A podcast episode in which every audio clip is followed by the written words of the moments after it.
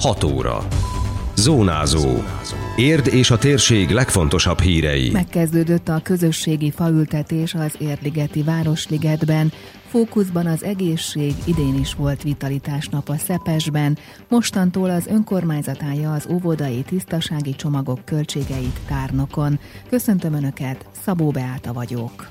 Ez a Zónázó, az Érdefem 101,3 hírmagazinja a térség legfrissebb híreivel. A városlakók segítségével épül az Érligeti Városliget. Múlt hétvégén elkezdődött a közösségi faültetés a Sárd utca végén létesülő parkban.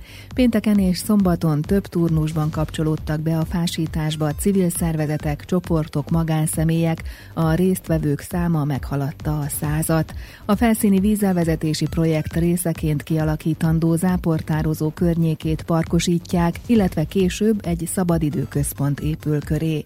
Az egyik érdi iskola diákjai kezdték meg a faültetést, várhatóan néhány hónap múlva már látogatható lesz a terület, nyilatkozta a helyszínen Témészáros András polgármester. Ez egy 30 hektáros terület, amiből 5,7 hektár a vízfelület, de a környéke az gyönyörű park lesz, és a Körösi általános iskolának a diákjai vannak itt most, akik elkezdték a parkosítást, elkezdték ültetni a cserjéket, a bokrokat, elkezdték ennek a parknak a kialakítását. Van ennek egy kis előzménye, hiszen március 15-én a testvérvárosok polgármestereit, illetve küldötteit is ide kihoztuk, és ők is már elültettek egy-két fát, de igazából a közösségi bokor, cserje és fajültetés az a mai napon kezdődött. Én nagyon remélem, hogy idén nyár végén már ősszel birtokba lehet venni a sportpályákat, birtokba lehet venni a futópályát, több kiemelt parkból áll majd az Érligeti Városliget, mindegyik különleges növényzetet kap, akár csak a záportározótóban kialakított három sziget, ismertette Debreci Zsolt, a telepítésért felelős Nemzetközi Dendrológiai Alapítvány kutatás vezetője. Általában mondhatom, hogy ebben a parkban lesz ugye 12 ezer növény, annak egy nagy része erdő, három vagy négy kiemelt parkocska lesz, lesz egy Kelet-Ázsia, egy úgynevezett növényi ritkaságok parkja, lesz három sziget, ami kiemelten szépen lesz díszítve. Ebből az egyik ugyan nem, mert az egy homoksziget, napozó, és abban ilyen érdekesebb homoki növények lesznek. A másik sziget, Patán sziget, ebben gyönyörű szép örökződek lesznek. És lesz az ügynevet, mi még Indián szigetnek nevezzük, és abban mocsári ciprusokat ültettünk. Nagyon reméljük, hogy egy izgalmas, szép látvány lesz majd már akár 10-15 év múlva.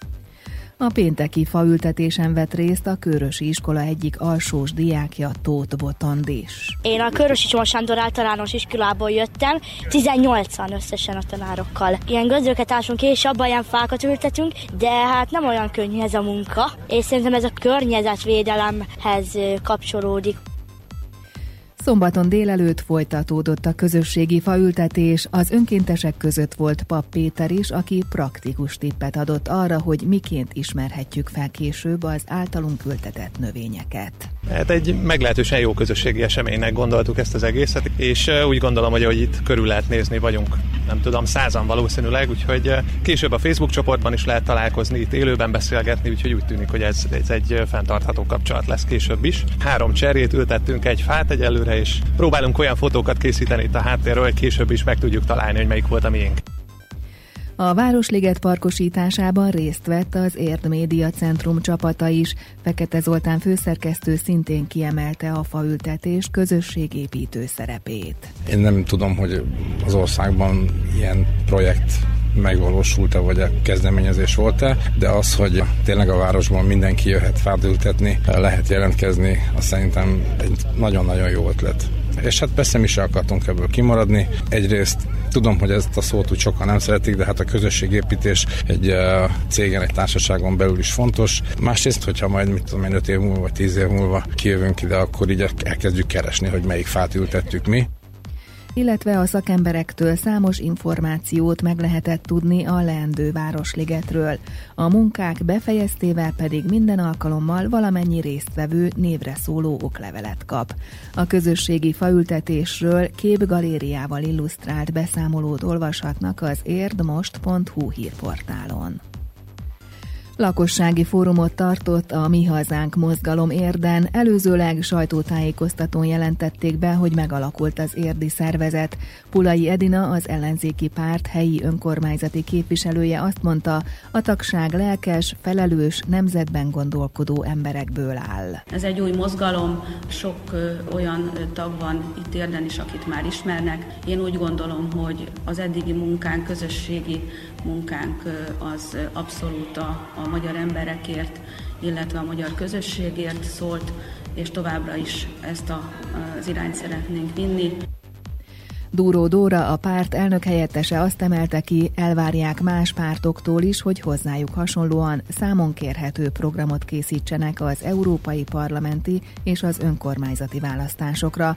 Hozzátette, kiemelt ügyként kezelik a demográfiai kérdést, és olyan az emberek mindennapjait érintő ügyekben is állást foglalnak, amelyekkel más pártok nem foglalkoznak, és szeretnék, ha ezekről őszintén lehetne beszélni a közéletben.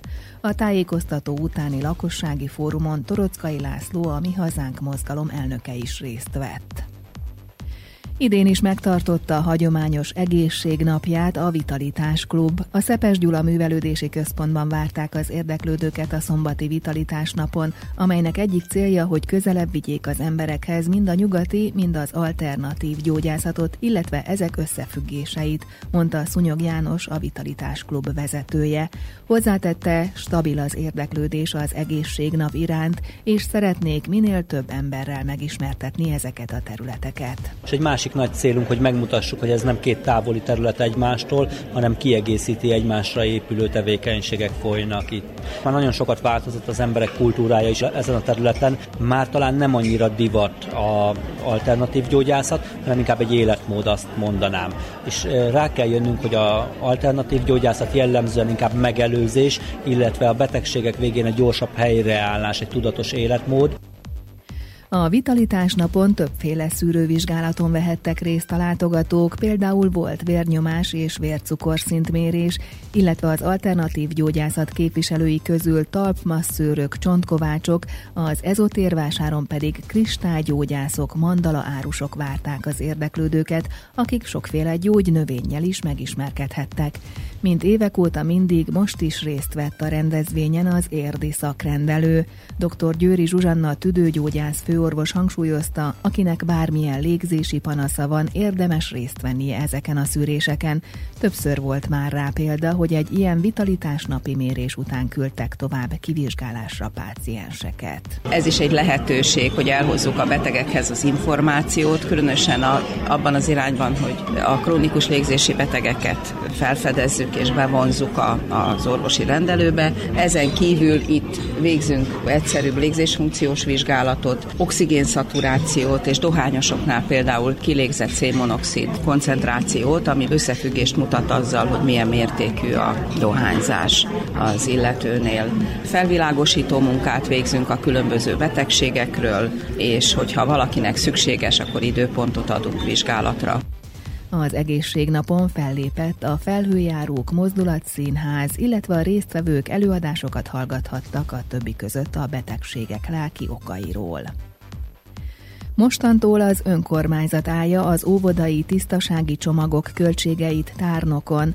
Április 1-től nem kell a gyerekek szüleinek külön erre a célra összeállított felszerelést vinniuk az intézménybe.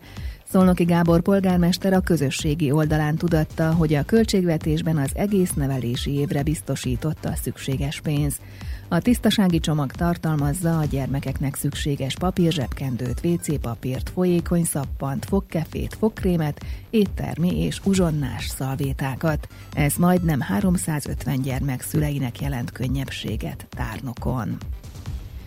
Két rabló évekig rácsok mögött marad az érdi járásbíróság döntése alapján. Az eljárást mindkét vádlott letartóztatásban várta. Egyikük tavaly áprilisban a Nyílt utcán támadott meg egy 70 éves embert és elvette az autós táskáját.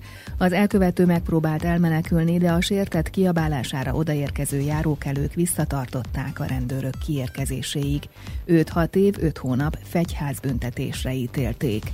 A másik vádlott szintén egy éve egy általános iskola környékén egy 14 éves diáktól veréssel fenyegetőzve szerezte meg a telefonhoz tartozó hangszóróját, később pedig a töltőjét is követelte, derül ki a bíróság közleményéből. A diák azonban segítséget kért az egyik tanártól, szóltak a rendőrségnek és a rablót elfogták. A vádlott két év, tíz hónap börtönbüntetést kapott. Az eljárás mindkét esetben másodfokon folytatódik. Lizitai Sándor, az Érdi Járásbíróság elnöke hangsúlyozta, hogy a rablás a legsúlyosabb vagyon elleni bűncselekmény, és a kiemelt tárgyi súlyú bűncselekmények esetén a bíróság soron kívül jár el, hogy a büntetésnek minél nagyobb visszatartó ereje legyen. Időjárás. Délelőtt kevesebb, délután várhatóan több felhő zavarhatja a napsütést, néhol egy-egy zápor is kialakulhat, főként a keleti tájakon. A csúcshőmérséklet 18 fok körül lesz. Zónázó. Minden hétköznap az Érdefemen. Készült a médiatanács támogatásával a Magyar Média Mecenatúra program keretében.